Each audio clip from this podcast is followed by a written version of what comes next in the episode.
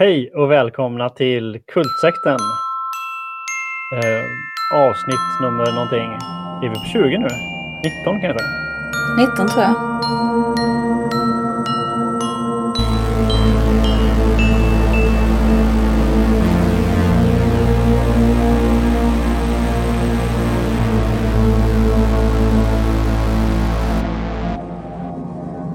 Och vi har fortsätter se Castle Rock.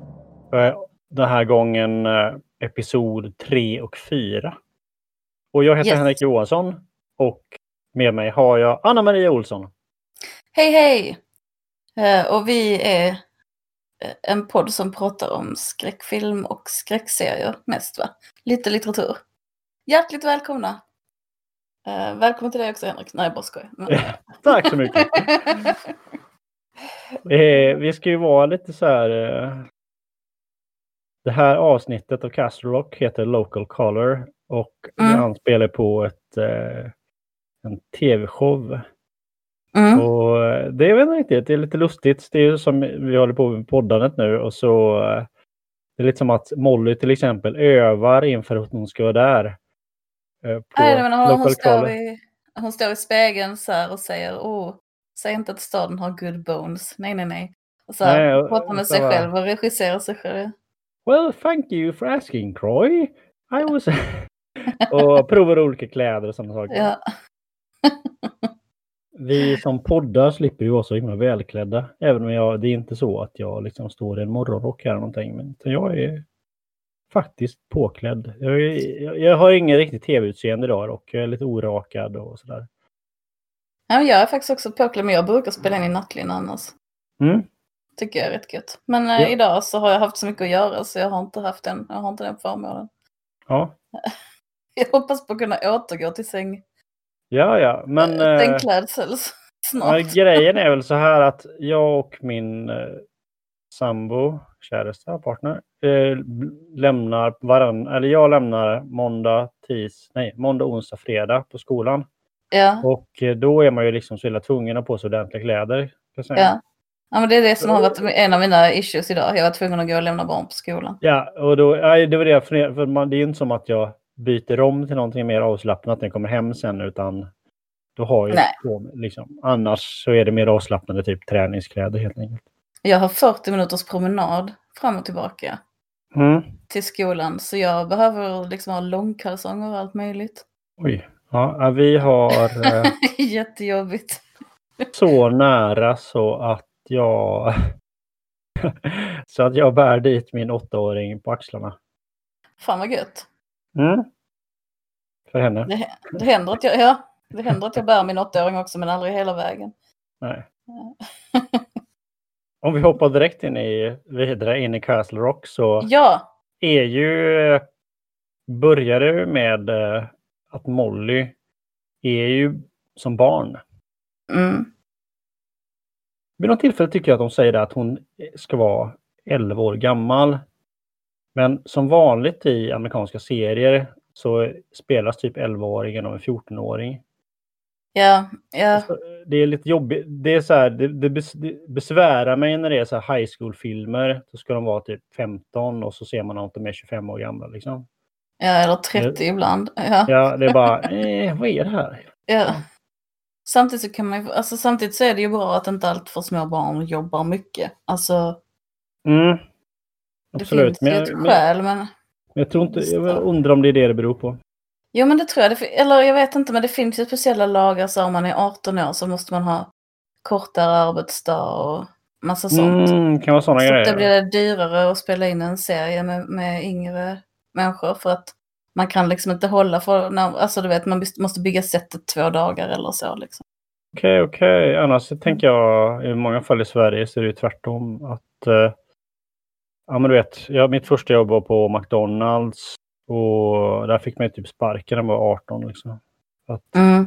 för att man kunde ge oss barn in, lägre lön. Ja, ja. För att vi skulle komma in i arbetslivet. Det är väldigt om, om, omtänksamt Ja, om, och vänligt. McDonalds, mm, så snälla. Ja, nej, men jag tror faktiskt att det är lite, jag vet inte hur det är i Sverige, men i eh, Hollywood, USA, så är det krångligare att spela in med barn på grund av regelverk. Men det är ju jättebra. Alltså, Mm. det, Mm. börjar, det börjar alltså med att Molly står och tittar ut på gatan. Eh, och så hör man så här radio i bakgrunden om att de letar efter Henry Deaver. Eh, och jag tror också Molly verkar höra andra saker, jag vet inte. Det gör men, men i det här läget så säger de väl också på radion att pappan är ju då, du pappa Diver är upphittad och hans tillstånd är typ kritiskt men stabilt. Ja. Och Och så går Molly, Molly bara går ut i nattlinne, går hon bara ut i, Vintern. och, Nej. barfota i snön liksom. Och går över hem och går in hos familjen medan Mm. de ligger och sover.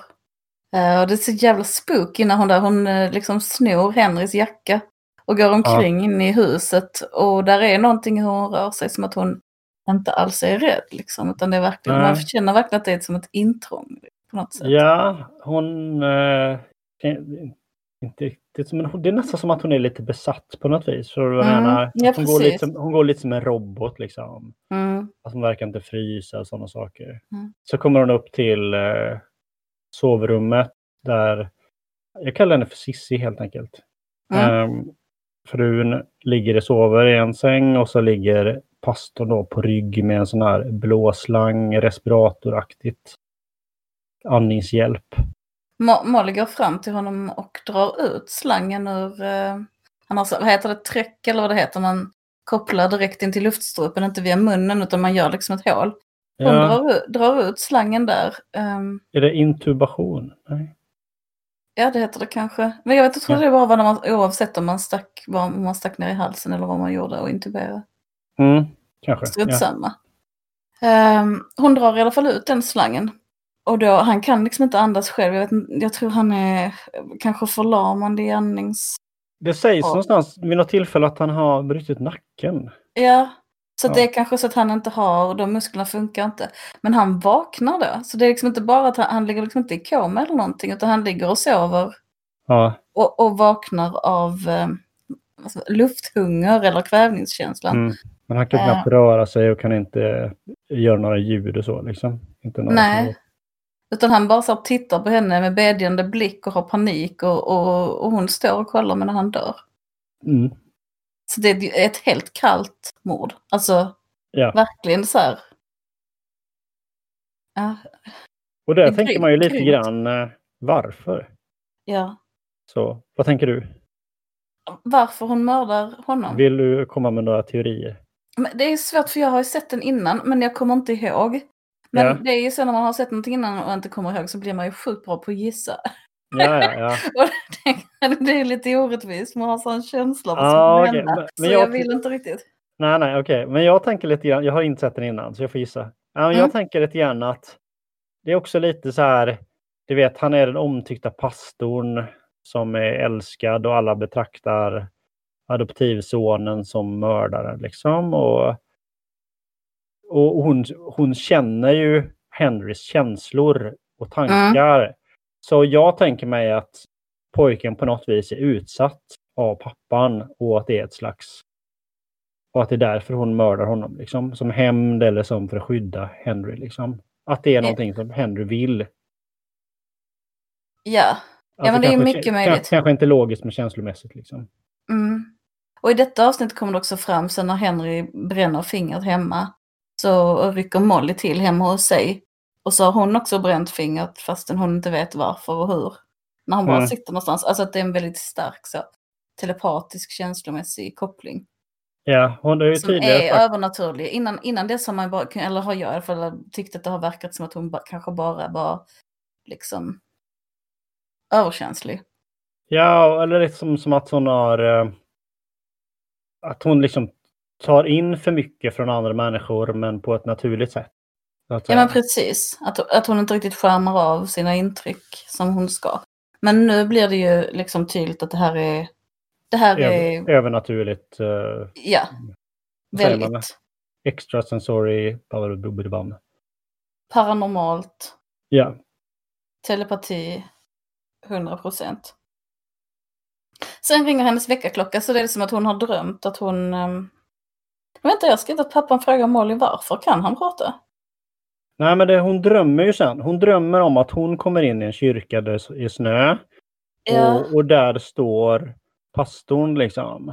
Och, eh, ja just och, och frågar henne, när, som vuxen alltså, när hon, hon Ja. går in i den som vuxen och att det är en dröm och frågar henne varför. Och där finns också massa eh, människor med bandage runt huvudet som också frågar henne, eller så här, inte att de frågar henne, men som tittar anklagande på henne och sånt. Liksom. Ja, där sitter en församling med mycket barn också med bandage runt huvudet som, har, som är nästan så här maskerade av bandage. Likt Mm. hur Henriks pappa var. Just det, så är det ja.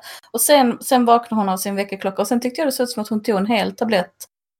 Mm. Annars brukar hon ta en halv med att det liksom var lite eh, tuff mardröm, Ja. jobbigt. Så sval- svalde hela liksom. Och så är det väl flera gånger i det här avsnittet att hon uppgraderar sin dos så att säga. Ja. Sen så bygger hon modell med Jackie. Eller? Mm. Det är någonting hon håller på med. I Men- något annat hus någon annanstans. Överhuvudtaget så kan man säga att det här är ett avsnitt där Molly liksom presenteras väldigt mycket. Att hon är lite huvudpersonen i det här avsnittet. Mm. Ja, det är mycket ur hennes perspektiv.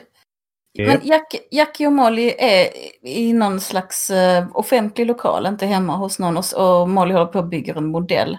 Här fram- studioaktigt liksom. Ja, precis. Och här framkommer det på något sätt att Jackie nu är Mollys praktikant eller Ja, assistent. Ja, lite- lite- Otydligt. Lite så här frilans för henne på något vis, i mitt intryck. Ja, ja, ja. Mm. Eller okl- oklart om hon får någon lön eller inte, eller om det bara är... Verkligen, men sen lite senare så säger han så, men om du anställer mig på heltid kan jag hjälpa dig att städa. Eller, alltså där är lite sådana, så Mm. att hon får kanske lite, lite lön men inte någon riktig. Eller att hon får timmar på något vis, eller... Kanske, det är otydligt, men det, hon kallar sig också praktikant så det kan ju vara oavlönat. Men Mm. ja, ja, som du störde dig på henne förra avsnittet, Mm. Jackie, jag stör mig lite på henne detta avsnittet. Ja. Eller så här, där är någonting. Jag också. Mm, mm, mm. Hon är ganska dryg, det är kanske det som är... Kanske. Tar, men just att hon tar liksom inga människor på allvar, ingenting på allvar på ett sätt som är knäppt. Mm. Men skitsamma. N- när Jackie har gått ur den här studion så ställer sig eh, Molly med ryggen mot dörren och väntar på något vis. Ser det väldigt mycket ut som. Och sen kommer Henry Deaver in genom dörren. Ja. Eh, och då vet jag inte om hon har väntat på honom eller om hon bara har väntat på någon eller om det bara såg ut som hon har väntat. Hon kanske har Ja. hört honom så att säga lite mentalt. Ja, det kan, det kan ju vara så. Ja, Ja. mycket möjligt. Och han låtsas, hon låtsas ju att eh, hon inte vet vem han är. Ja, precis. Och det, är nog rätt så, alltså när han kommer in så börjar hon ju höra en massa om det är hans tankar eller andras tankar eller vad det är som kommer in i hennes huvud. Så hon hör inte vad han säger. Saker som hon, han, folk har sagt till honom. Och så. Är det det? Ja, okej. ja. Tror jag- Men så hon, hon, hon svarar liksom helt så här awkward och konstigt och han tittar. Lite alltså, så här, jag ja, men, ja, men lite så här standardsvar. Ja, okej, ja men vad roligt. Trevligt, verkligen Ja. goddag yxskaft liksom. Ja. och ehm, jag tycker han är väldigt bra, han som spelar Henry Deaver eller Henry Deaver här. Han är liksom väldigt så här känslomässigt naken och öppen och hej Molly och liksom Mm. Alltså där är någonting eh, i hans sätt att relatera till människor som är lite utan fasader och utan skydd, tycker jag. Mm. Mm. Jo, jag Eh, och hon är jättefejk. Ja. Så, så, så det blir liksom... Men man fattar ju också att hon är ju fejk för att eh, för, som ett sätt att skydda sig själv. För att det blir, Ja. för, mycket, det blir för mycket för henne liksom. Ja, ja, absolut. Men det blir ju ändå väldigt synd om Henry som står där alltid och tycker överallt att han, han försöker koppla till människor genuint och alla bara behandlar honom dåligt på olika sätt. Alltså, Ja, alltså, en sak som jag har tänkt på är att han... Eh, alltså han är ju en hel människa. Ja. Uppenbarligen. Eh, som aldrig är. Men att han blir liksom bara behandlad utifrån en händelse som var när han var 11 år gammal. mm, Som han inte går och tänker på varje dag. Men för honom är, för alla andra är han Mm. Deaver-pojken som försvann. Och kanske mördade sin pappa. ja. Ja, alltså, ja. Det och... Fast även när han... Alltså när han, andra, om han vill ha fängelsedirektören så vill hon bara fippla undan honom av andra anledningar. Så du vet, precis som alla, och Molly också, hon har inte samma bild av honom, men hon måste försvara sig för att hon blir för telepatisk. Alltså det är som Mm. att alla, alla han möter, är, och hans mamma har ju Alzheimers eller någon form av demenssjukdom, så därför blir ju hennes bemötande av honom också fel. Alltså, inte, inte fel, men du, alltså att hon ser inte honom riktigt, eller vad man ska Hon säga. känner, kan, känner inte alltid igen honom. Och, nej, nej, hon kan inte spegla honom som en fullständig person. Så han, har, han är liksom helt... Mm. Ja, Ja, det är ju i så fall eh, Ja. empati, empatipliten också. Alltså, eh, Fast här i de här Det- två avsnitten kommer det fram att han har en väldigt egen agenda. Han ser ju inte Henry Deaver för Henry Deaver. Han behöver ju hjälp liksom. Ja, exakt. Jo, visst. Så visst det är så. inte alls, han Mm. är inte alls där bara vem är du och hur har du det? Det är ju inte hans. Nej, men han är också en utav karaktär, Han är också en öppen karaktär så att säga. Aha, ja, I, för, I förhållande till Henry Deaver. ja, jo men det, jo, jo det är han, det stämmer. Dennis verkar han heta, empatipliten. Det Tycker gör jag. Dennis eh, Savelski. Men vissa kan säga Dennis. Dennis är ett bra namn. I alla fall så vill Molly, eh, eller vill Henry att Molly ska bli hans nej, mäklare, men Molly hittar på någonting om att nej, men mina föräldrar har ju hus på samma gata för han vill sälja sin mammas hus. Mm. Så, så det kan jag inte, jag kan inte hjälpa dig. Ehm, låtsas att det finns en intresse, vad heter det? Konflikt. intressekonflikt, ja, och, och håller på att ha massa undanflykter. Mm. Ja, Men hon säger också till honom att liksom, jag hör vad du, Mm. vad du känner och tänker och jag kan inte stänga av dig. Liksom. Men redan här säger hon det, ja. Vilket Ja. är fint ändå att hon på något sätt vill vara det- lite ärlig. Men hon, han fattar nog inte riktigt det på det sättet. Nej, vem hade gjort det? inte. Nej. Sen, den, här, den här serien är ju verkligen så här korta klipp. Fram och tillbaka, hit och dit. En person står i en situation och sen får vi se minnet.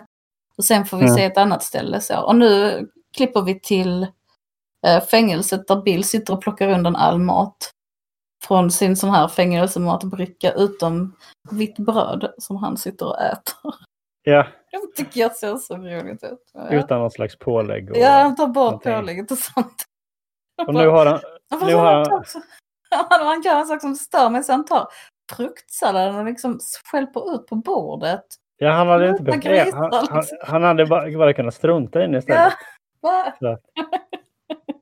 Men undrar om, den här, om det här också säger någonting om amerikansk fängelsemat. Det är så här vitt bröd, chips och fruktsallad.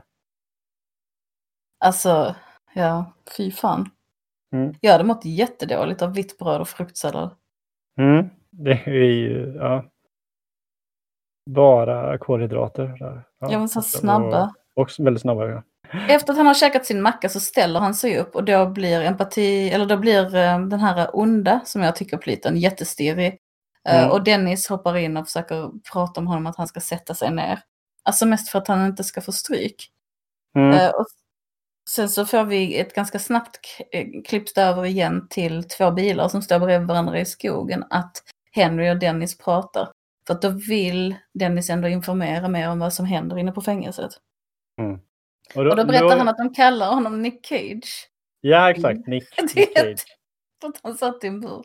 Tycker jag är Ja. Och Det är roligt. och Det- roligt. Ja, ja. Men nu har han i alla fall fått ett smeknamn, så det är lite Mm. lättare och, eh, och Och då visar sig också att de har fått mer pengar och sådana saker. Men i, i de här eh, Vem prylarna, har fått pengar? Plitarna har fått pengar, de har fått extra pengar. Som Ja, den, här elaka, e- den elaka vakten kallar det för eh, en bonus, Bonus, och, och Dennis kallar det för en muta för att de skulle vara tyst. Ja, ja, det stämmer. Mm. Ja. Men så har det varit eh, inbrott hos Molly. Eh, men eh, vad hon kan se eller säger, assistenten är också där, alltså Jackie Torrance. Eh, och så har de inte snott någonting. Men det visar sig ju att de har ju snott, eller de, eh, Mollys minneslåda. Men har de snott den är det inte bara ett saker? För jag tycker tröjan och, och allting låg väl på golvet? Bara utvält. Eh, Jag, eh, jag fick Saknades intryck någonting? Men alltså fast jag fick intrycket av det nästa gång hon kommer in i huset och det verkar ha skett igen. Nej, det kanske inte snodde vid första tillfället men vid andra inbrott. Det verkar vara två inbrott, eller? Eh, Eh, att, att, Ja, det, men att, det är att, det någonting som är, för- att det är någonting som är försvunnet från under sängen. Är det inte Jag så att den är tom nej, lådan? jag, jag tror, nej, jag lådan är tom men grejerna ligger på, på golvet framför den och så packar hon i dem igen. Och när hon ska Ah, lägga i flyern så får Jackie syn på flyern och börjar snacka med henne på sitt obehagliga sätt. Om Mm. Henry. Men sen när hon letar under sängen då, då är det för att hon har hört någon på övervåningen. Så Mm. då går hon och kollar om det är någon som gömmer sig under sängen. Det är Ja. därför hon reagerar på att det är tomt under sängen tror jag. Mm. Alltså, jag tänker ju här att det är... Att det på något vis är Allan liksom. Allan Pangborn. Ja. Mm. Varför det? Han försöker liksom stoppa alla former av utredningar kring eh, vad som hände där de var här för 30 år sedan. Liksom. Mm. Mm. I alla fall så har det ju varit, det har varit tuffa dagar för Molly och hon upptäcker att hon har slut på medicin. Alltså hon har ju tagit hela tabletter istället för halva och så har det gått dubbelt så fort. Mm. Kanske hon tagit några extra också så plötsligt märker hon att hon har liksom, Slut. hon hade inte koll på att det var slut utan plötsligt var det bara slut. Och då sticker hon till den här langaren, han sitter i någon jävla, alltså du vet något sånt där litet grönområde mellan två industritomter typ. Ja. Eh, han och hans kompis sitter och gör s'mores med en blåslampa. Vad är, vad är s'mores? Det är lite oklar över. S'mores är... Grahams, mina barn har lärt mig det här receptet. Vi har aldrig provat det men de har tjatat så mycket så jag vet. Grahams kex, choklad eh, och sen en marshmallow ovanpå. Så smälter man marshmallown. Ja, Sen tror jag man ska Okej. lägga ett Grahams kex ovan till, till ovanpå och så ska det jo, man tänker sig det. Klämmer Ja. man ihop det liksom. ja, det ser gott ut tycker jag. Ja, Mm. det ser jävligt nice ut. Alltså det ser så här Ja. fattiglyx. Sitta där och Ja. blåslampa s'mores. Kanske kommer Ja. ut en sån kokbok, Langarnas bästa recept. Ja, Ja, precis. Ehm, och då säger langaren också att nej men det var min mormor som tog med de pillerna från bladibla. Ja, alltså, jag vet inte, det- typ när hon jobbar snodde hon dem eller något och hon har inte fått några. eller så är det hennes, eller så har det varit hennes mediciner. Eller Kanske, någonting. kanske. Någonting. Men det är lite, jag tycker det är jätteroligt. Det är också lite så här småstadsknark. Ja.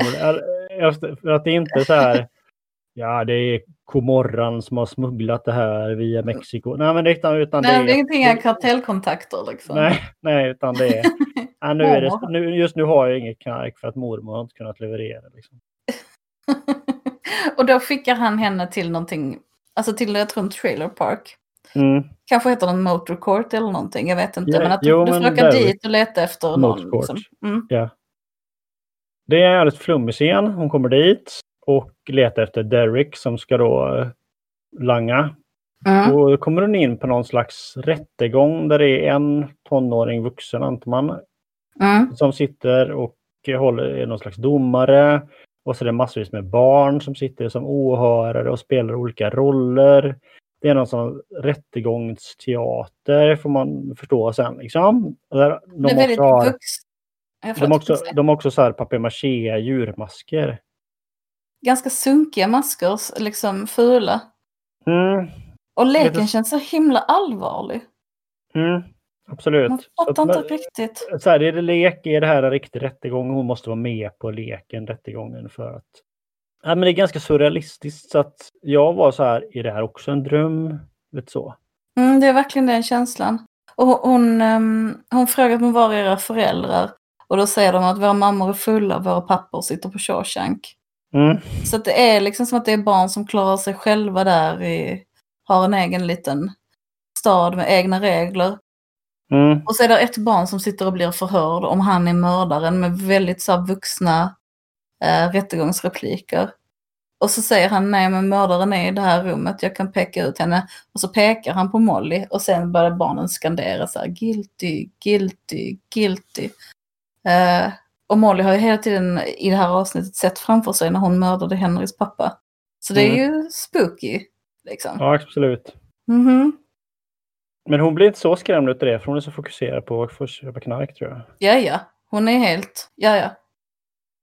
Det är bara en... Ja, verkligen. Det är, de är bara ett, ett hinder i vägen för henne. Sen visar Mm. sig att den här domaren, det är Derek. Och han är liksom Ja. så, men du måste vara med i leken så att ungarna typ blir passade. Och sen släpper han med henne in i någon, som jag tycker ser ut som en stuga, men det är kanske en sån mobile home. Mm, eh, för att sälja Oxy till henne. Det är en ganska rolig grej där kan jag tycka. Är han, eh, hon är ju så desperat på knark och han tänker väl att han har någon slags överläge och säger så bara Ja, 60 för tre stycken, men då måste du visa dina bröst. Mm. Och hon säger fuck you, så här, du får 10 för 10 för 100 dollar. Så jag, Mm. liksom. Mm.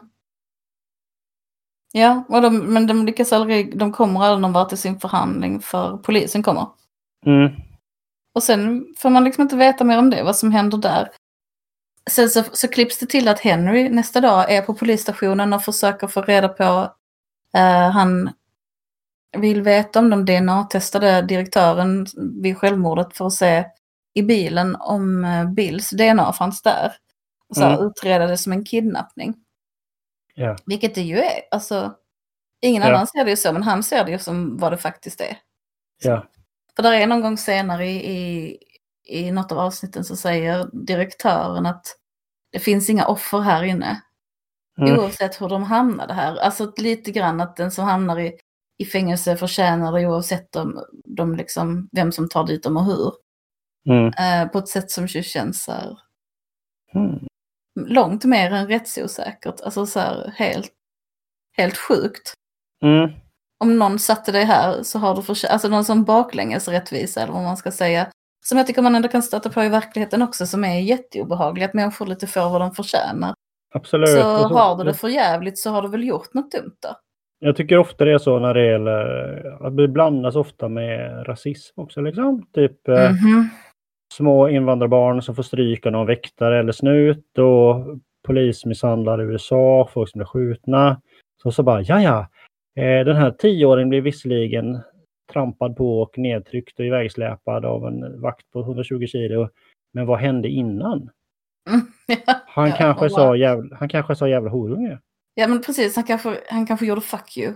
Mm. Liksom, räckte långfinger. Det är otroligt. Helt, Just. Helt vansinnigt.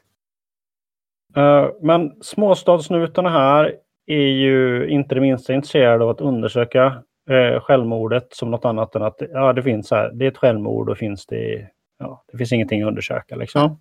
Och, och grejen är att som polisen säger det, att Shawshank är den enda arbetsplatsen i stort sett här. Vi Mm. kommer liksom inte, vi är alla anställda där. Så här, vi, Alltså, vi, är min fru jobbar där, vad ska vi göra? Vi, alltså, ja. Vi har inget intresse av ditt jävla snokande. Typ Mm. så. Jag undrar det är härligt här- hur, hur gött, eh, hur, hur ofta det amerikanska samhället beskrivs som så genomkorrupt. ja, Och att det hänger ihop med privatiseringen också. ja, ja, Eh, och det är väldigt tydligt här.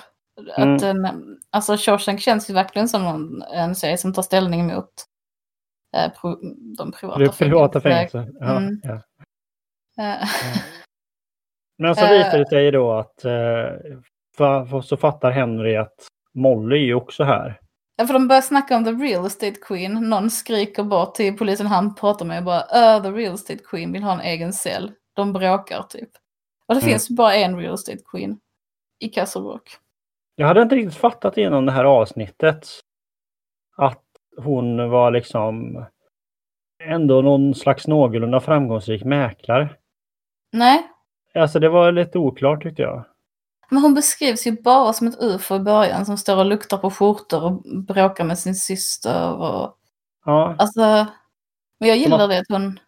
ja absolut. klart. Jag tänkte att när hon lånade de här pengarna så var det som att jag såg det som att hon hade en dröm hon ville förverkliga. Inte att hon redan hade något företag. Det var för mig helt oklart. Ja. Ja, det var lite som att man såg henne med andras ögon innan nu kanske man ser henne mer med sina egna ögon. Att hon... Mm. Och, och det, liksom, vi får se det flera gånger hur hon är, eh, är, jobbar som mäklare och att hon är en duktig mäklare. Alltså, Mm. hon kan sitt jobb ändå.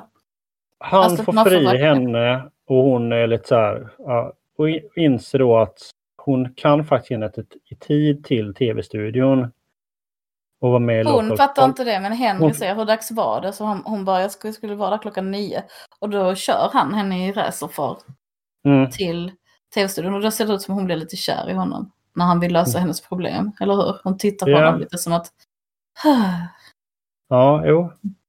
Men hon ser också otroligt frånkopplad ut när hon sitter där i och skulle fixa liksom och försöker fokusera vad hon ska säga och vad hon inte ska säga och får massa röster som hela tiden dyker upp i sitt huvud. Om... Ja, när de ska fixa henne inför. Och vad gör den jävla människan som ska fixa henne med hennes hår? Jag tänkte till och med jag på. Varför, varför kammar hon inte det eller fixar det Ja. på något sätt? Varför står hon bara och liksom flyttar teser? Ja, ja men hon, exakt, hon har liksom ingen kam eller borste utan hon bara liksom håller i håret, lyfter lite på håret, drar lite i håret. Väldigt diffust. eh. Ja, och, och det gör ju ingenting med frisyr. Frisyren ju inte överhuvudtaget. Alltså hon hade ju behövt bli, för jag har typ borstat lite. Mm. Jätteroligt. Men jag tror också att här försöker hon förklara för Henry att jag går sönder när du är i närheten. Mm. Alltså, vi träffades i tio minuter igår och sen har jag spenderat natten i fängelse på grund av det.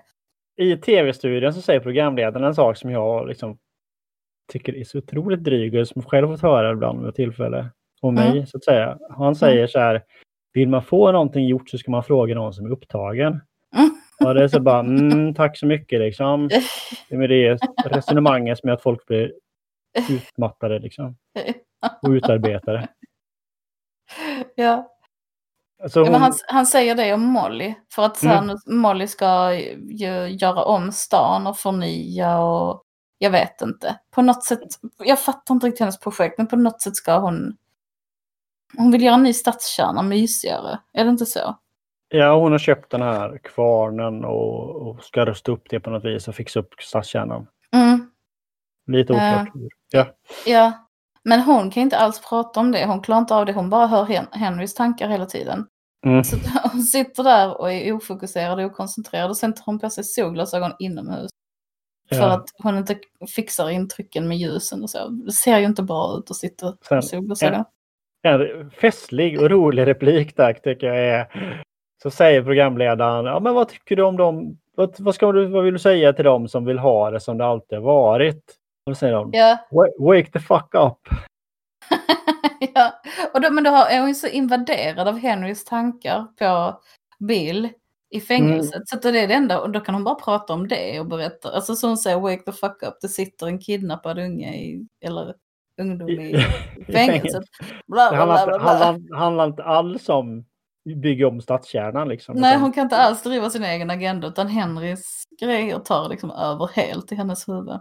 Och det finns det att det, det finns en historia av övergrepp i den här stan och Mm. så här, liksom. Mm. Och det tycker jag kommer fram om och om igen i de här två avsnitten. Ja. Och då kommer den här eh, standard amerikanska grejen också. Commercials liksom. Så här, nu kör vi reklam.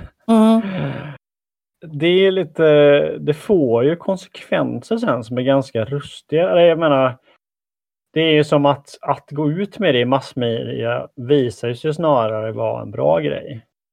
Ja, och Henry var lite så här bara, åh jag hade hållit på det eftersom vi inte vet allting ännu och så här. Men det är nog ändå bra, tack så mycket. Alltså han är lite glad Ja, någon det, gjorde det för honom. Man hade kunnat tänka sig att han skulle bli förbannad.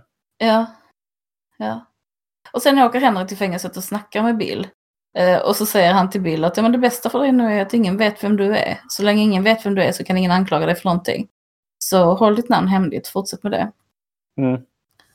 Eh, Och eh, Bill svarar ganska eller, kryptiska saker bara liksom. Men han- begun? Han är så här typ bibelcitat och sådana grejer. eh, till, när, de, när han pratar med Henrik så det första han säger är How old are you? Mm. Och titta, och det här är första gången jag, man verkligen ser att han är intresserad av att prata med någon. Mm. Ehm, Faktiskt. Och sen så säger han innan, um, innan Henrik ska, ska gå så säger han Do you hear it now? Och grejen Mm. är att vi har tidigare avsnittet sett hur Henrys styvpappa eller vad säger adoptivpappa eller pappa. Jag har svårt att förstå den relationen hur. Alltså jag fattar inte vilken typ av, vem den pappan är, vilken typ av pappa han är.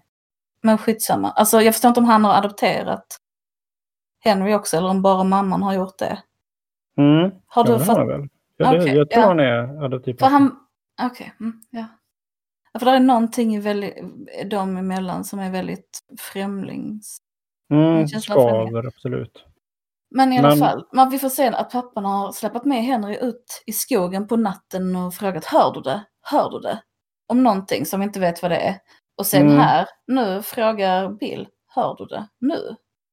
Och det är så Mm. jävla spooky. Man ser hur, hur Henry bara så här, han liksom Ja. tappar andan lite.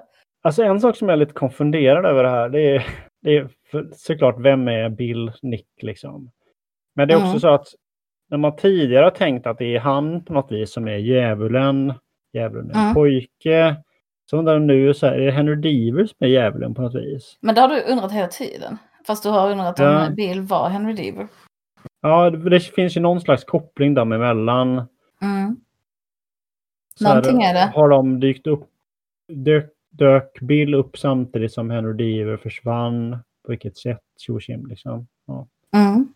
Direktören i fängelset föreslår ju förlikning nu efter det här kommit fram i... Mm. Eh. Så, och då skyller liksom, eller direktören säger så här, det här handlar om ett, eh, en enstaka, en ensam anställds misstag. Liksom. Ja. Eh, och då prat, syftar då på Laser, den förre direktören. Eh, och då så tycker de, men så här, ska du slänga honom under bussen? Säger Ja. Henry Deaver. Så bara, ja det är det man gör med dead perverts. Ja. ja, hon är knäpp på ett roligt sätt den här fängelsedirektören. Ja, ja. På kvällen där sen så kommer Molly hem till sitt hus som inte är städat efter inbrottet. Mm, Och då hör hon någon på övervåningen. Och då börjar hon så här genomsöka sitt hus med en kniv. Jag tycker om Mm. det för det är liksom en spegling mot i början av avsnittet så var hon inne hos någon annan. Och nu Mm, är någon annan inne hos henne. Och det är så himla olika känsla i, Ja. i henne. Vad hon liksom, att vara jagad eller att jaga på något vis. Alltså det är så Ja. himla snyggt. Men då går hon omkring och letar men hittar ingen och letar överallt. Och sen plötsligt är Henry Divers pappa där i bandage ja. och går emot henne. Jag kommer inte ihåg vad han säger. Men han är jätteläskig och jag såg det här själv på natten som vanligt och jag blev skiträdd. Alltså jag fick så här riktigt gåshud. Han kom där med sitt bandage och bara ja jag, så präktig och skräckinjagande. nu har, jag ska börja se den här serien på kvällstid, nattid har jag märkt, bestämt mig för nu. Men jo, Ja. För jag tror inte, den är inte för läskig för det heller, tror jag. Nej, nej det är den inte. Den är bra att se på natten. Ja. Den är lagom. Vi var ju ute och gick en promenad häromdagen. Jag vet inte när det var. I fredags kanske. Mm, Ja. Eh, och då pratade du om... eh, du hade varit på Polskt livs hos Silvia. Mm. Ett litet livs som ligger här i närheten av där jag bor. Eh, Ja. Jag var där igår och köpte tomater som är så sjukt jävla goda. Som jag, Oh, jag gillar polska, polska såna här små livs så himla mycket för det är som en... Alltså det är ju lite som en fransk eller italiensk delikatessbutik. mm. Fast utan den här lilla lyxiga edgen och allt är billigt. Ja, Men det är ju så här hasselnötter plockade i någons trädgård köpte jag och sen supergoda tomater och körsbärschoklad. Mm. Och Har ett du något? bröd. Har du något bra tips på något polskt godis? Körsbärschoklad låter inte som någonting för mig, tycker jag. Men, ja.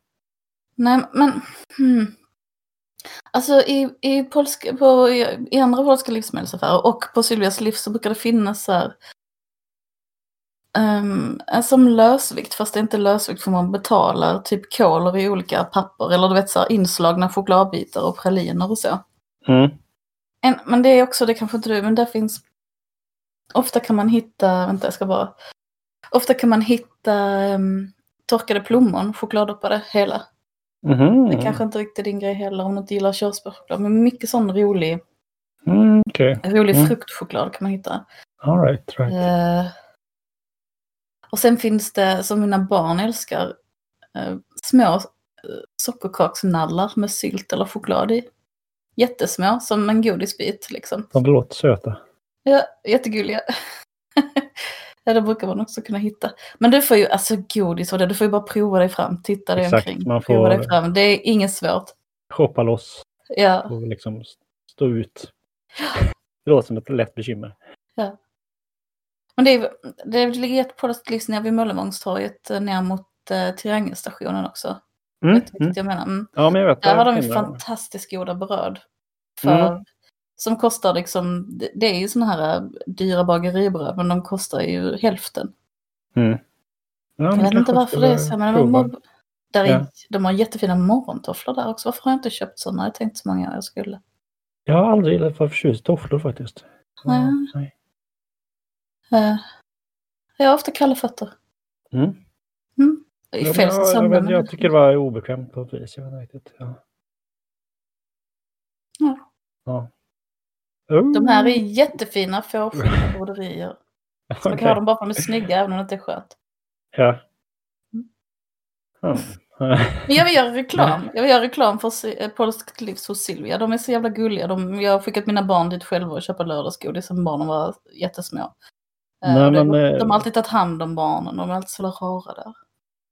Då kan vi ju säga att om det är något Polskt Livs som vill starta någon slags eh, samarbete med podden så går det säkert att ordna.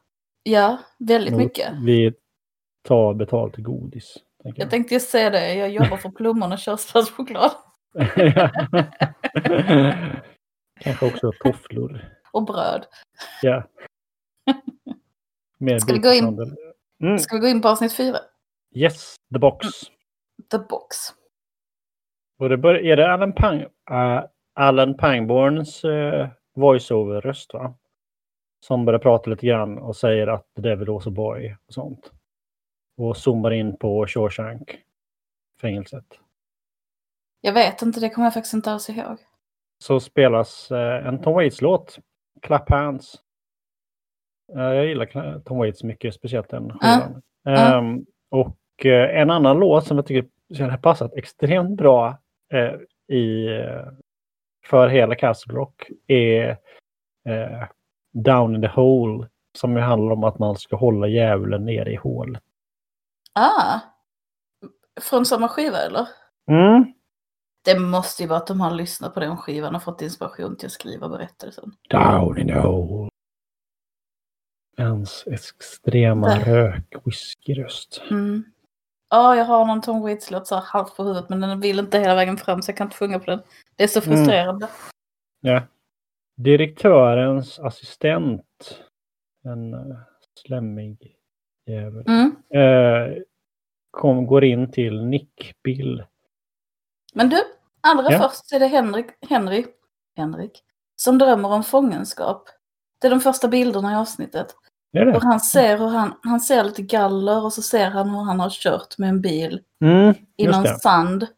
Mm, just det. Och sen dras det över till den här fruktansvärda hejduken. Nu får du Mm. berätta vad han är inne och spil. Nej, berätta du istället. Varför det? Pajar jag för det nu? okej. nej. Eh, nej, men han... Eh, de vill ju komma undan och Ja. förbättra, alltså fängelseledningen förbättra sin situation liksom. För Mm. de eh, tänker att han är en fånge och vill ha ett namn av honom. Vem är han egentligen? För att kunna visa att han är en riktig skurk och det är därför Mm, han mm. är det. Och han har tydligen, liksom, de som driver fängelset är också någon slags säkerhetsfirma. De kallar sig och de har varit, han har själv varit en sväng i Irak.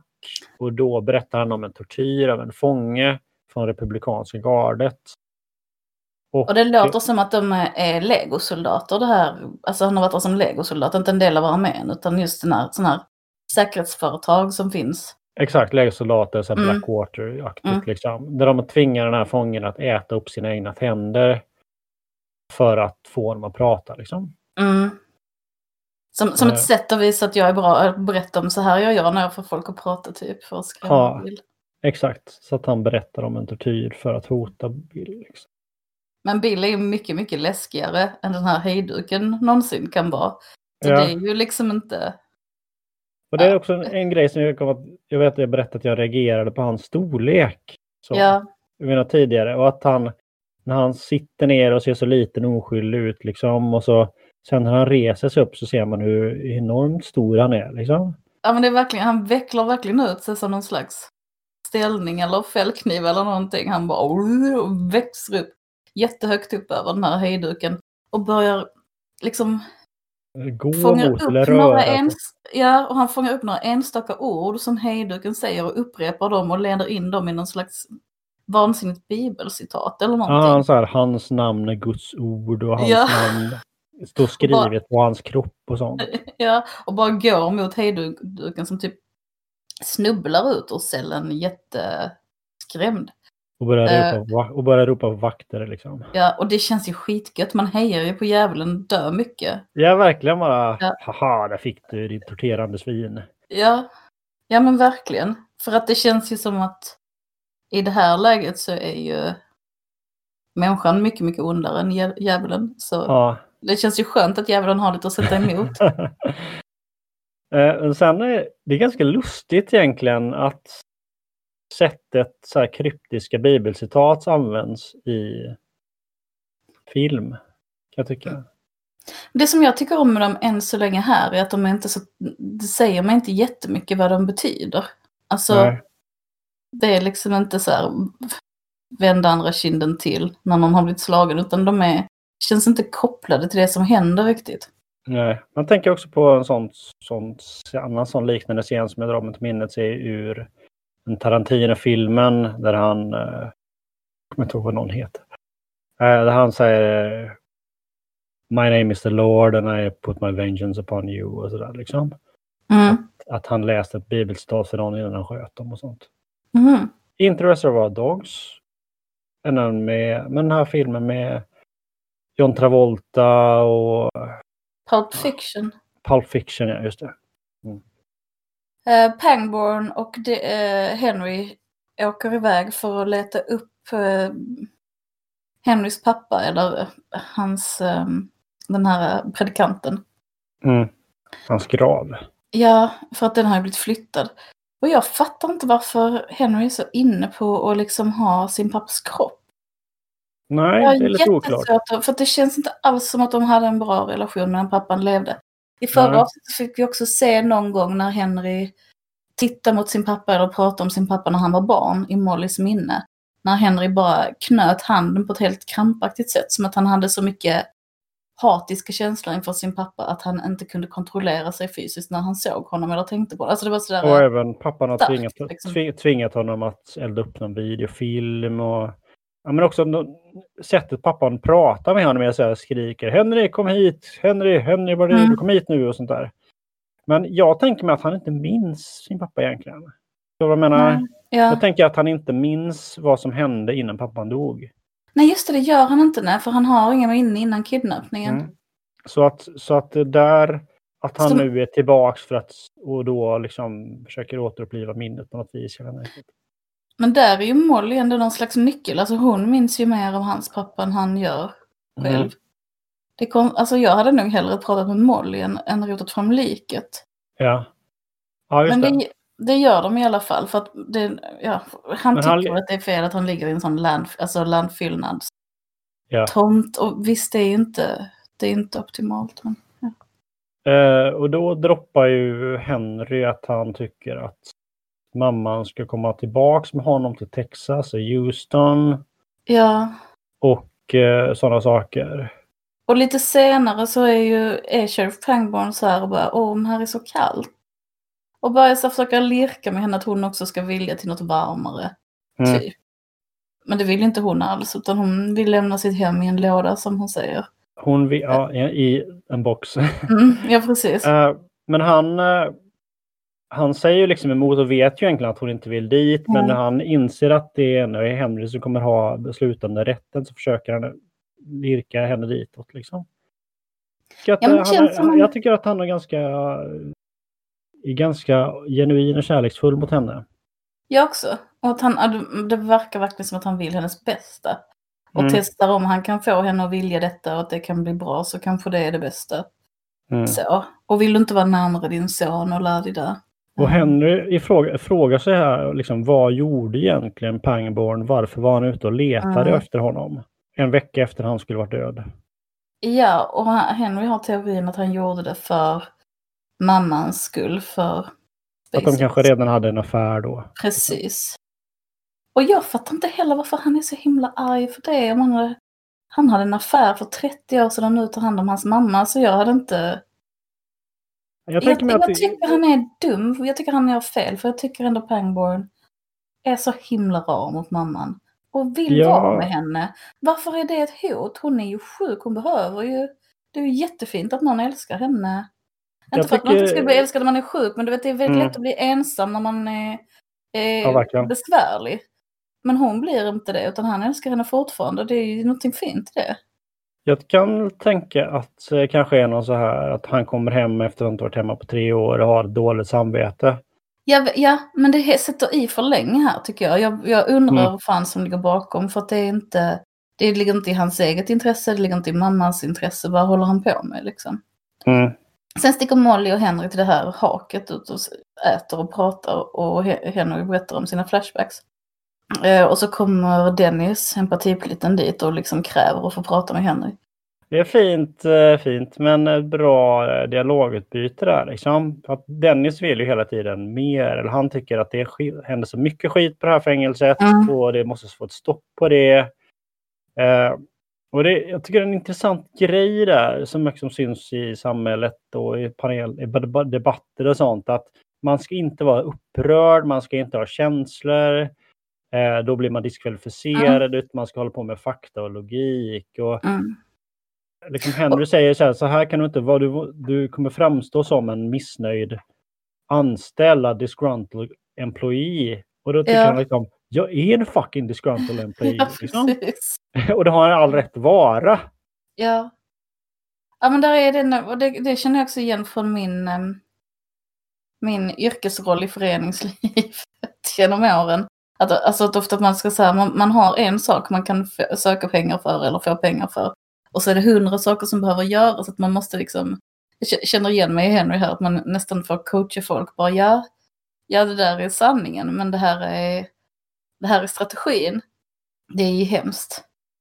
Och han menar också att onda människor, bad people, känner sig trygga här. Liksom, Mm. menar Dennis. Ja, och han säger någonting så här, folk säger att det är mycket tur i Castle Rock. Men det är ju bara för att onda människor kommer undan med grejer. Och för att alla tittar åt andra hållet när någonting händer. Mm. Och Dennis förstår- vill liksom inte titta åt andra Nej. hållet. Sen förstår inte jag i och för sig på vilket sätt den här turen skulle Nej, manifestera den har inte. Jag, jag den har inte att, berättat så ja. mycket om ännu. jag tycker det snarare känns som att det är en stad med lite otur. Ja. Men jag tror säkert att det kan finnas någonting sånt, oh vi hade tur. Som, som från de ondas håll. Ja, men lite grann så här, vi fick hit ett fängelse så vi fick lite anställningar. Ja, ja till exempel. Eh, grannstaden fick inte hit ett, fä- ett fängelse och då blev alla arbetslösa. Liksom. Typ. Och sen är det en jättesöt scen på fängelset när Dennis försöker lära Bill fistbump. Han har Mm. liksom som, så han känner så mycket omsorg om, om Bill och om alla fångarna och sitter och tittar på stjärnorna när fångarna får stryk eller någon fånge går i matsalen och någon eh, plit slår maten av brickan. Mm. Han liksom tittar på det och ja, det är någonting. Och han är, ja men han liksom, som han har sagt tidigare, så här, fanns det, jag, jag skulle verkligen inte vilja jobba här. lite grann. Nej. Ja. Eh, men det är väldigt, väldigt gulligt när han, där är någonting när han går förbi och tittar in på Bill och Bill sitter så här ihopkoppen på golvet och stirrar ut i rymden hur han bara så här, vad gör de med dig? Och så säger han, går han fram till Bill och så säger han, jag har koll på dig, jag, jag tittar ju på kamerorna hela tiden, jag ser till att ingen gör något mot dig. Och så sticker han in knytnäven för fistbumpa och så tittar Bill på den som en sån idiot. Bara, det är detta? samma när, när, de skulle, när han skulle prata med Henry Deaver. eh, Mm. när de skulle mötas vid telefonen. Han bara satt och stirrade på telefonen och var helt... Han bara Alltså, pratade ut han med fatt- ta upp telefonen liksom. Ja, och sen så väldigt förvirrad när det kom ljud ur den. På ett roligt sätt faktiskt. Jag tycker han är, han är en rolig skådespelare. Alltså där är nog lite... Det är som att han har haft lite kul med det när han spelar. Liksom. Ja, ja. Men det blir också Eh. läskigare för att han är så jävla främmande för världen. ja exakt. Han är ju han är en av de skådespelarna i den här serien som han har ju liksom nästan till bara ett känslouttryck liksom. Men han knyter liksom sin hand och gör som Dennis säger och duttar, alltså så här fistbumpar genom gallerna. Och sen Mm. sitter han liksom och stirrar ut i rymden som att någonting har hänt. Jag Mm. tycker det är jätteroligt. Men där kan man ändå tycka att det är nästan förvånande att han eh, han trivs inte alls där Dennis, men att han, att han, eh, han skulle, borde nästan vara mobbad liksom. För att, för att, att fistbumpa en fånge på det här kåken känns ju helt big no-no för en vakt.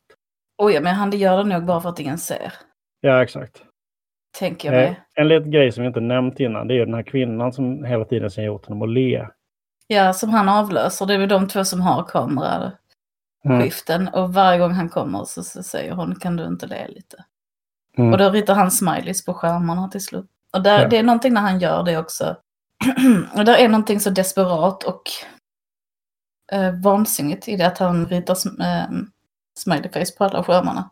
Ja, exakt. Alltså det är Mm. någonting i det som känns som han bara att oj, här gick det åt helvete med hans Ja, men exakt. Det är liksom. inte det här. Det är också... Det är så mycket. Det är inte liksom jag ritar en liten smiley på ett papper och lägger på skrivbordet, utan det är... Jag ritar det med en tuschpenna på alla skärmar. Ja. Över linjen.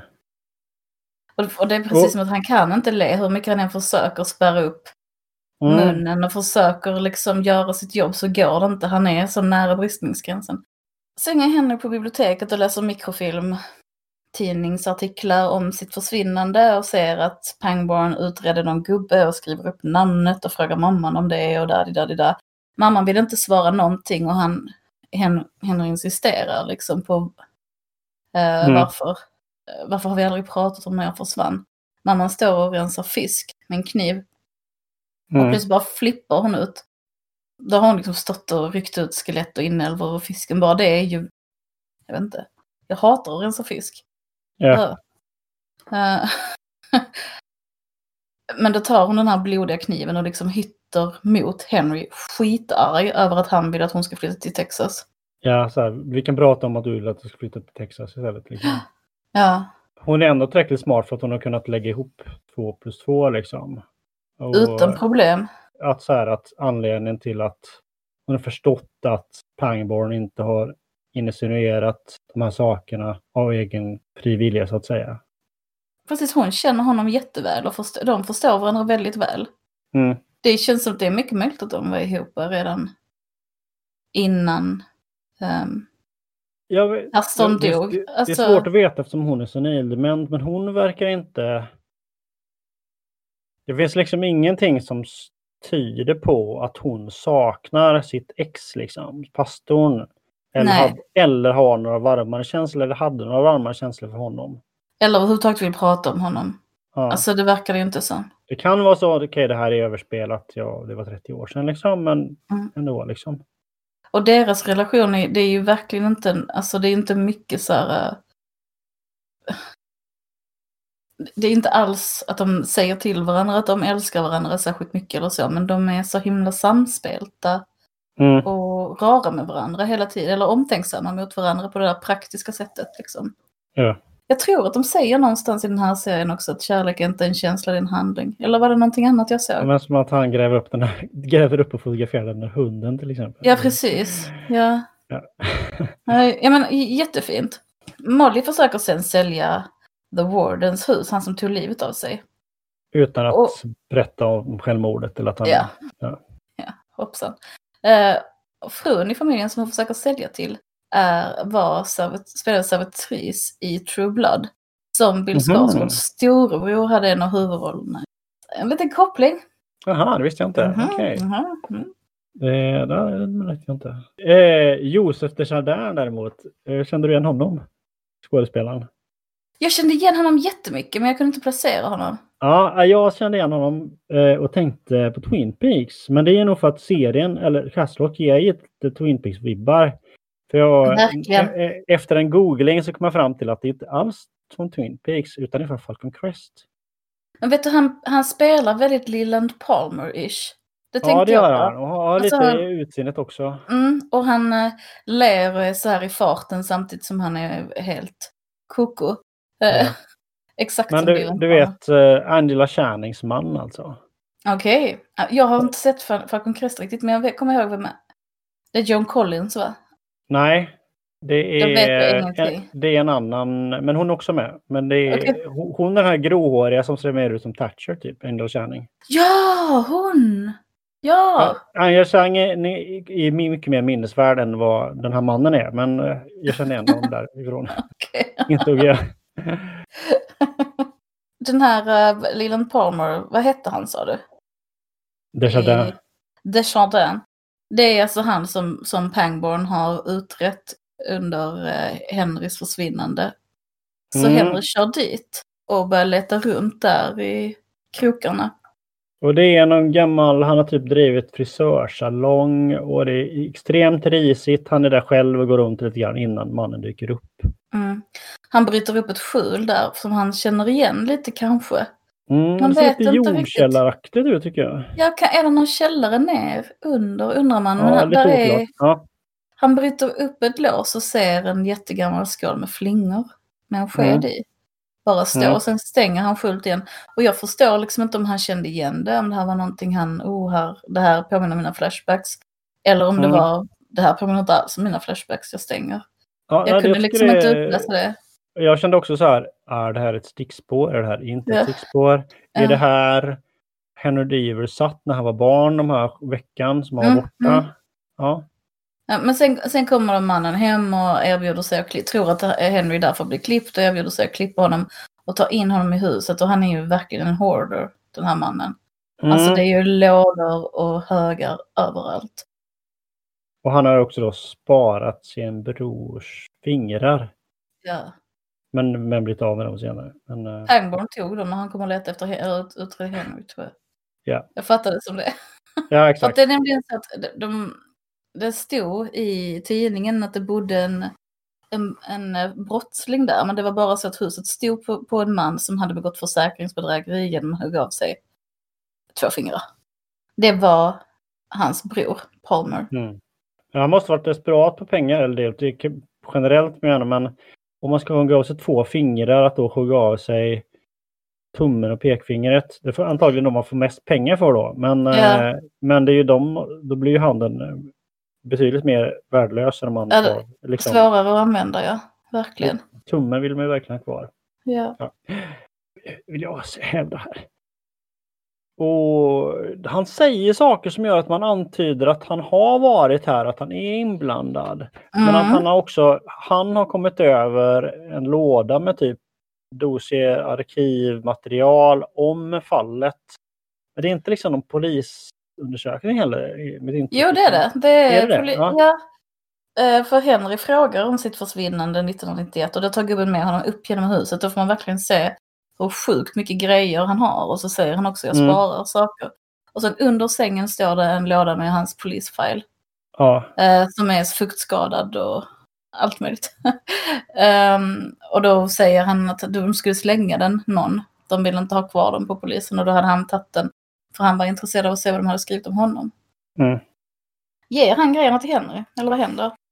Eh, eller tar han med dem helt enkelt? Det är så så att han, jag vet inte om det är så att han tar lådan från honom. Eller? Mm. Ja, kanske. Det, Kanske det är så någon, en sak som är lite obehaglig är att den här lilla Palmermannen i alla fall säger till Henry lite hotfullt. Du vet att jag aldrig rörde dig. Mm, exakt. Vilket på något sätt känns som att han kan mycket väl ha haft honom fången men inte gjort. Alltså inte misshandlat eller begått några övergrepp. Mm. Eller? Är det, Och då, menar och han då, att han tänker jag på, då tänker jag på något vis att har det varit något samarbete här mellan pastorn och, eh, ja, och Desjardins här på något vis? Eller? ja precis. Oh, det är jätteobehagligt. Mm. Eh, Stora frågetecken eh, som är spännande Mm. att försöka reda ut Mm. småningom. I alla fall så nu grävs i alla fall Henrys pappa upp. På Mm. riktigt, de har ju bara varit där och märkt ut. Och Pangborn och Henry har ett samtal där Pangborn berättar att eh, pastorn skrev en lapp innan han dog och visar för Pangborn där det stod Henry did it. Och att Pangborn har ägnat 30 år åt att dölja det. Och Ja. skydda Henry. Ja, eller kanske då i förlängningen hans mamma. Ja, ja, ja. Absolut. Men ändå. Alltså, mm. Mm. Henry åker ju till Molly efter att ha fått reda på det här. Jag Eh, tror att han gör det för att han är så upprörd. Han behöver någon han kan prata med. Någon ja. och vara nära liksom. Och eh, Molly har ju flera gånger varit på gång att berätta att hon tog livet av hans pappa. Mm. Men eh, hon säger aldrig, hon får aldrig något bra tillfälle. Det vet vi inte riktigt. Vi vet ju inte vad de säger där. För man bara ser hur hon tar honom i handen. Och drar in Mm. honom i huset och så stänger de dörren. Och sen nästa klipp är nästa dag när det är någonting konstigt med ljuset, eller hur? Och konstigt med stämningen. Henry Mm. ligger i Mollys säng, Molly står i badrummet. Allting känns helt så avtrubbat och konstigt. Ja. Eh, och eh, Henry ringer Dennis, empatipoliten, och säger att Nej, ja, saker har blivit för komplicerade för mig. Jag måste lämna stan. Mm. Vilket Så vi måste- känns...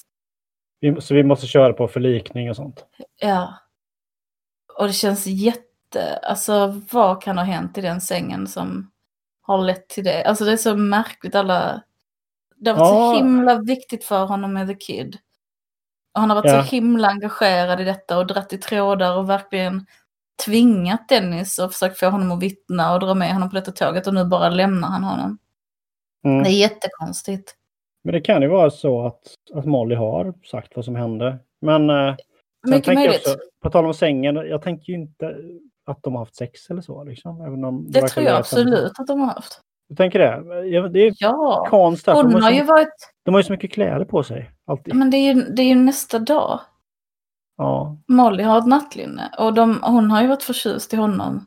Och Mm. också det är ju en sån grej att dra, ta någon i handen och dra in dem och sen stänga dörren. Det är ju liksom ett film, filmsätt att mm. säga sex tycker jag. Jag det tror tänker att de skulle ha sagt det tydligare i så fall. Ja, kanske. Ja, Men tänker du att de har bara sovit över? Ja, typ. Och hånglat lite eller ingenting? Jag har pratat, tror jag. Nej, jag, jag tror inte det har hänt något igen.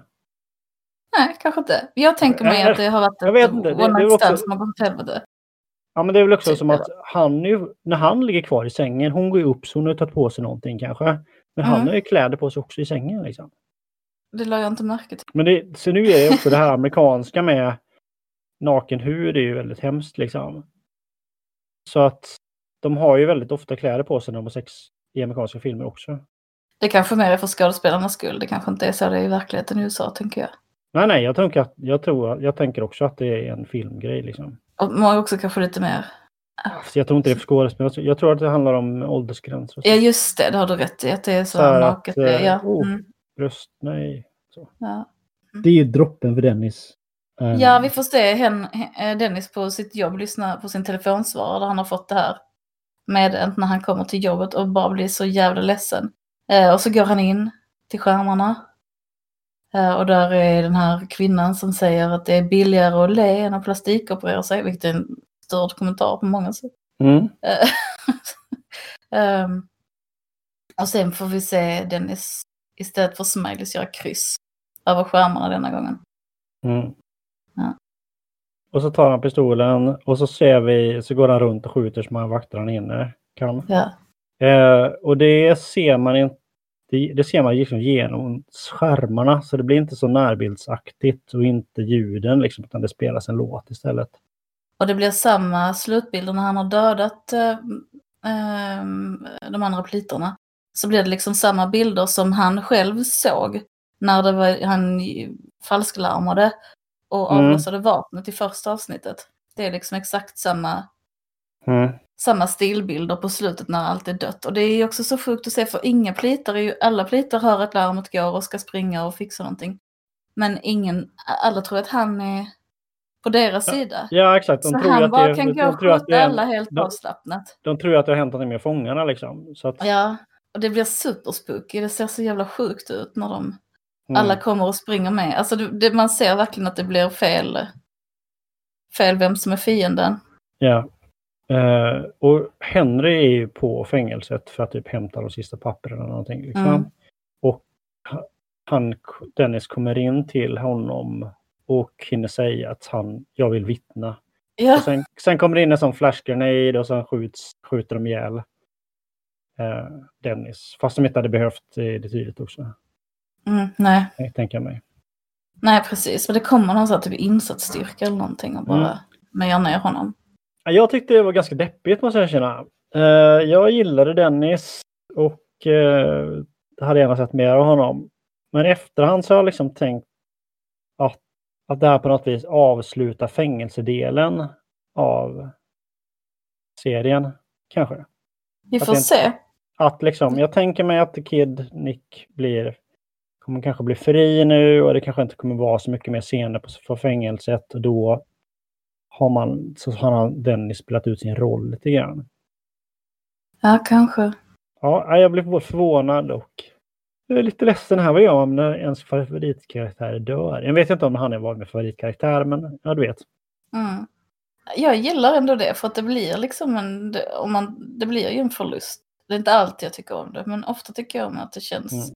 Som en förlust när någon Ja. dör i en serie. Det är ju lite tradigt med serier där man vet att karaktärerna överlever hela tiden. Mm. Ja, precis. Det När inte finns några stakes. Utan allting Ja. bara är så här, ja, ja, men hur ska du lösa detta? Jag är det osäker på. Ja. Men jag tycker, tycker om det här för jag förstår verkligen Dennis härdsmälta. Mm. Going Ja. post då. Mm. Ja, och han bara har suttit och tittat på plitarnas våld dag efter dag, år efter år. Och det här med att inte kunna, han vill inte alls jobba, men han kan inget annat, han känner sig helt... Det är Mm. enda sättet hans fru kan få sjukförsäkring, så han tvingar sig att göra det fastän han inte reder ut det. Liksom. Och det är väldigt snygga scener där när låtarna spelas, man bara ser de svartvita små skärmarna, hur han går och skjuter alla. Och folk så här kommer fram till honom och verkar fråga, oh, vad är det som händer? Larmet har gått och han bara skjuter. Ja. Oh, Men där var det all right. slut va? Det var slut. Det var slut. Mm. Mm. Hur känns det nu? Jag har omvärderat de här två avsnitten lite grann. Jag var inte speciellt nöjd med tredje avsnittet. eh, Och blev liksom shit så mycket det handlar om Molly. Det här är inte superintressant. Jag skulle hellre ha mer i fängelset. Och så blev jag lite paff över hans, hans död. Sen jag tyckte bättre om fyran. Jag har kanske omvärderat det lite grann nu. Liksom. Jag känner att jag har, eller omvärderat eller accepterat vad som har hänt lite grann. ja. Men det, så att jag är mer än bra eller dålig så får jag säga att jag är berörd. ja. Mm. Själv, vad tycker du? Men jag tycker mycket om... eh, Jag tycker mycket om både säsong ett och två. Har liksom varma känslor för dem och jag känner Mm. mig förväntansfull. Eftersom jag har glömt så mycket tycker jag det ska bli jättespännande att se igen eftersom de saker som jag kommer ihåg tycker jag är väldigt coola. Ja, Och jag Lite- gillar också alla ledtrådar som inte har några, att man bara får se lite grann. Liksom. ja. Om jag ska säga någonting så kanske det är Kanske lite hattigt, lite många karaktärer och så liksom. Det har ju i och för sig en karaktär dött. Men, ja, men eh, ja, se vart det här hamnar lite grann. Svårt att veta, känner jag. Mm. Mm. Mm. Jag känner inte alls att det är många karaktärer. Jag känner att alla är så klart definierade och synliga på något vis. Mm. Om du förstår vad jag menar, att det är inget sådär... Där är inte massa kanske- över, överflödigt folk, utan alla är... Kanske att det är många bikaraktärer. Alltså, jag menar men att liksom huvudkaraktärerna i sig, men Mm. To each their own. Men jag är jättenyfiken på vad Henry ska komma fram till om sitt förflutna. Om han ska komma fram Mm. till någonting. Och jag är jättenyfiken på hur det ska gå nu med Molly och Henry. Alltså, för jag tycker det verkar som att båda har skött någonting väldigt dåligt. Mm. Ja. ja. Jag se. gillar att Dennis dör. Jag tycker på något sätt att det är... Det finns någonting, eh, liksom, eh, klart jag inte vill att någon ska dö i verkligheten, men det finns något fint i berättelsen om, om att empati inte håller Mm. i vissa situationer. Att det liksom är... Att vilja göra rätt när allting är fel blir destruktivt. Och på något sätt måste det explodera om man inte Mm. hittar någon väg ut. Så. Ja. Eller fängelset dödar empatin. Ondskan överlever, empatin dör. Ja. Ja, jo. Ja. Men då kanske vi ska runda av, eller vi håller Det på att tycker göra? Ja, Ja, vi kanske ska prata om vad vi ska se nästa gång. Vad tycker du? Ska vi fortsätta? Ja, jag tycker vi fortsätter. Ja, för nu är man Eh, nyfiken och man vill inte glömma ja. och hålla på och titta på något. Nej, jag håller med. Eh, Du får ha det så fint. samma, samma. Och alla som har lyssnat får ha det jättefint. Tack för idag. Mm, tack för idag. Vi finns på Instagram, Kultsekten. Följ oss där. Adjöken adjö. Jag göra.